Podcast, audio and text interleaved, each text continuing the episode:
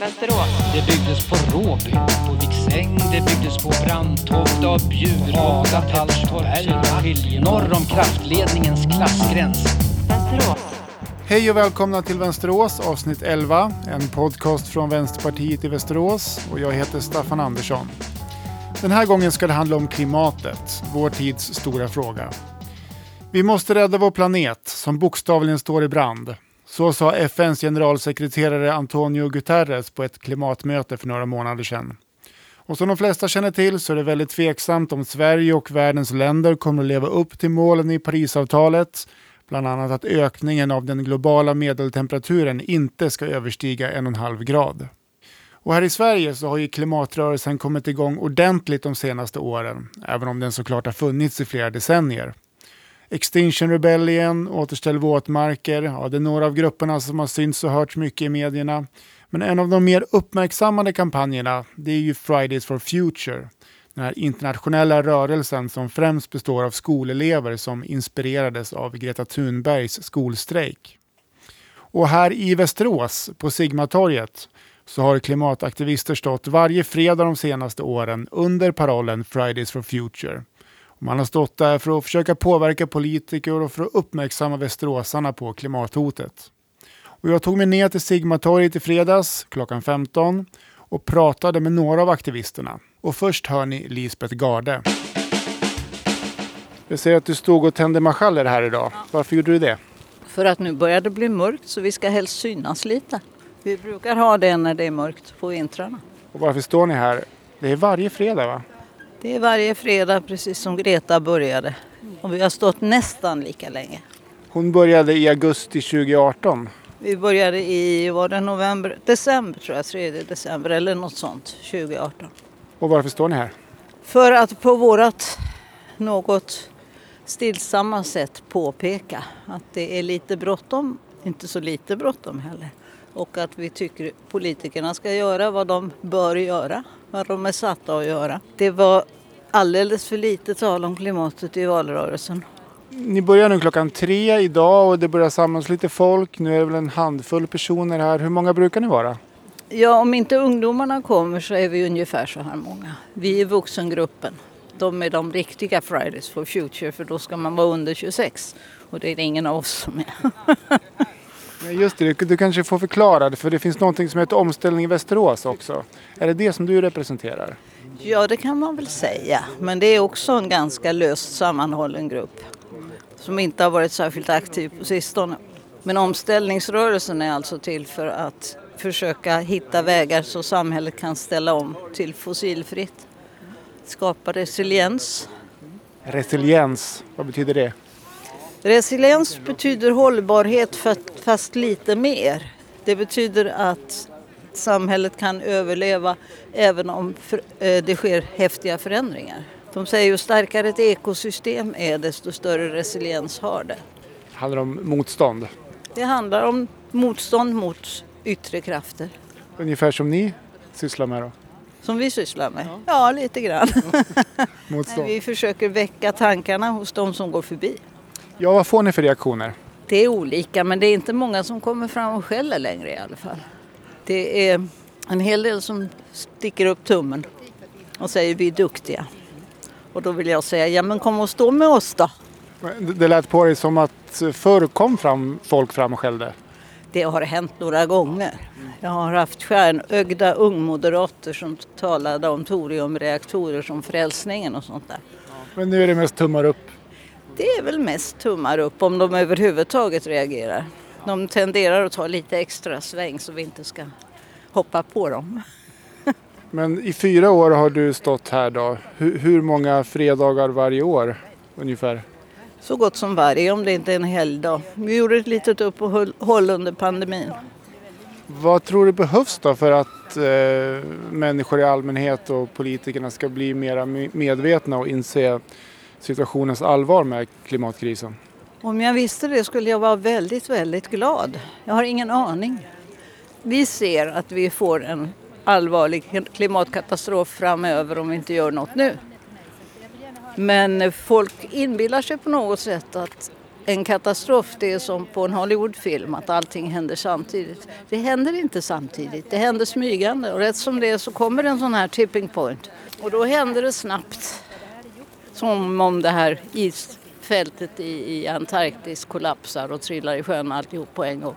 Då händer det saker. Du har en skylt här också, mormor för framtiden står det.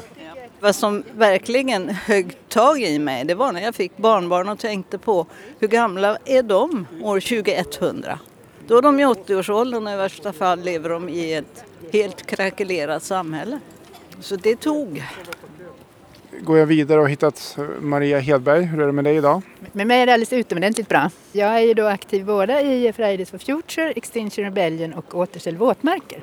När kände du att du behövde göra mer för klimatet? Ja, det är lite intressant därför att det är nog för de flesta då när Greta kom. Jag gick i pension för kanske fyra år sedan och då gick en kurs på Österfärnebo folkhögskola som hette Klimaträttvisa lokalt och globalt. Och då fick jag kontakt med väldigt många olika klimatrörelser så jag blev väldigt inspirerad. Det var ett halvår. Och så kom jag hem och så tänkte jag, jaha, vad ska jag göra med det här, den, denna kunskap? Och då träffade jag på Fridays som då hade stått här ett år ungefär redan. Jag, jag hade faktiskt inte sett dem. Men så kände jag, ja, jag vill göra någonting mer. Och då kände jag ju till Extinction Rebellion så då åkte jag till Stockholm och var med på aktioner där. Och så åkte jag till Oslo en gång.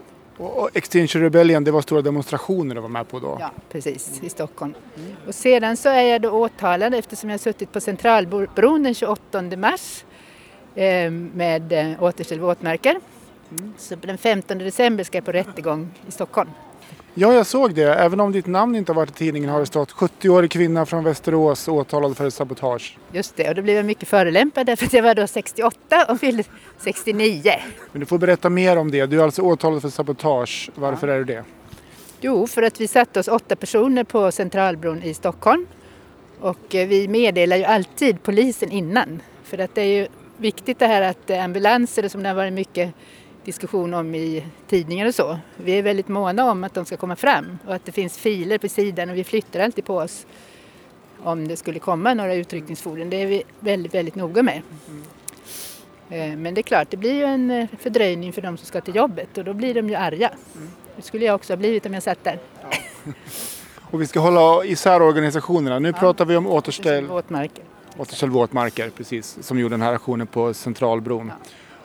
Och eh, det tänker jag ytterligare ett steg från att vara med i en demonstration och stå på ett torg, att aktivt sätta sig på en, på en motorväg och blockera trafiken.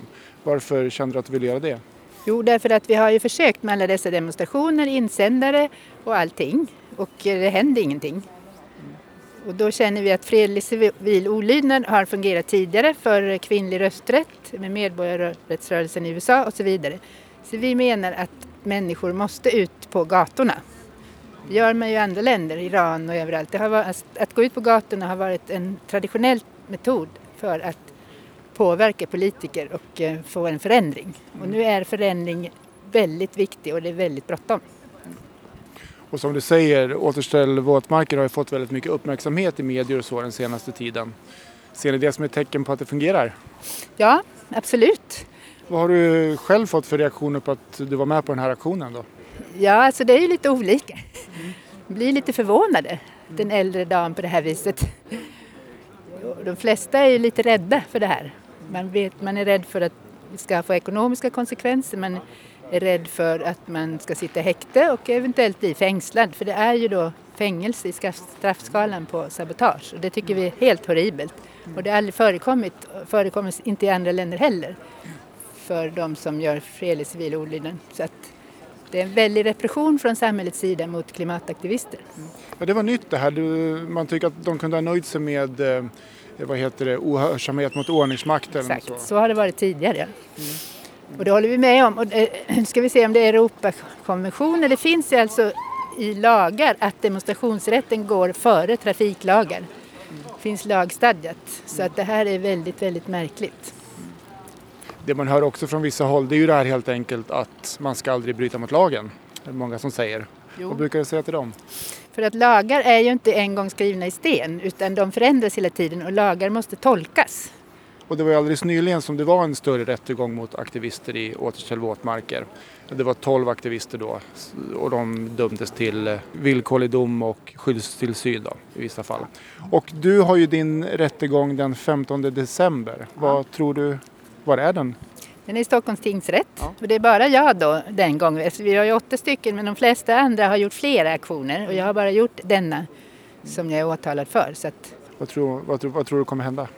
ja, det är väldigt spännande faktiskt. Jag hoppas ju att det blir böter kanske. Men jag vet ju inte hur de tänker för det är ju sabotage precis med de andra. Det är ganska olika också vilka, vilken domare det är och vilken, vilka nämndemän. Men det vore en stor framgång om, man, om det skulle bli bara böter för då har vi flyttat fram positionerna. Men vi får se. Ja, böter är en mild, räknas som en mildare dom än villkorlig. Absolut. Många har ju en bild av hur en aktivist ser ut och sådär. Eh, Jag tänker att du inte riktigt passar in i den fördomsprofilen. Det var ganska roligt för jag blev intervjuad då vid den där första aktionen. Och så frågade de just varför sitter du här och vad gör du annars? Ja, jag är mormor och bibliotekarie och så brukar jag baka bullar, så jag. Det tyckte jag var lite roligt. Det är ju det jag gör.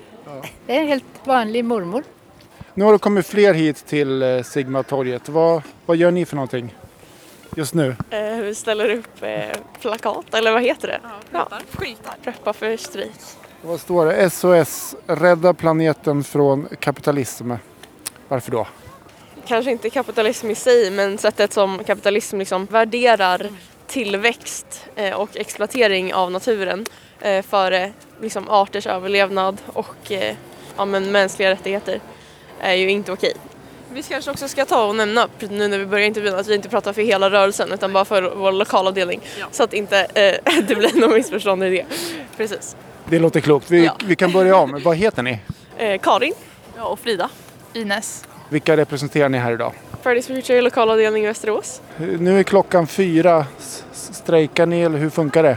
Ehm, alltså tidigare så har vi strejkat tillsammans med de som var här tidigare.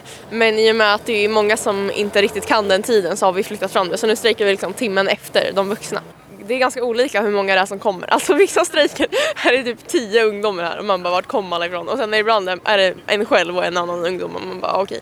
Eh, Så att idag är vi ganska få. Och varför har ni känt att ni vill stå här och eh, sprida de här budskapen? Jag tycker det är en väldigt viktig grej. Alltså vi har ju bara en planet och jag känner att eh, vi måste ju ha kvar den för annars kommer vi inte att eh, klara oss så länge till. Ja, men samma att det är viktigt att man eh, värnar för klimatet. Alltså många miljöfrågor hänger ju mycket ihop med andra frågor eh, och det känns liksom inte riktigt som att man kan lösa eh, eller skapa ett hållbart samhällssystem eller lösa något riktigt, någon riktig fråga utan att ta hänsyn till miljö och klimat eftersom att det är så himla det hänger ihop med så mycket annat och det är verkligen vår tids ödesfråga. Eh, det känns som att det är mycket som hänger på det här. Klimatfrågan är stor och så. Hur mycket upptar den era tankar liksom i vardagen?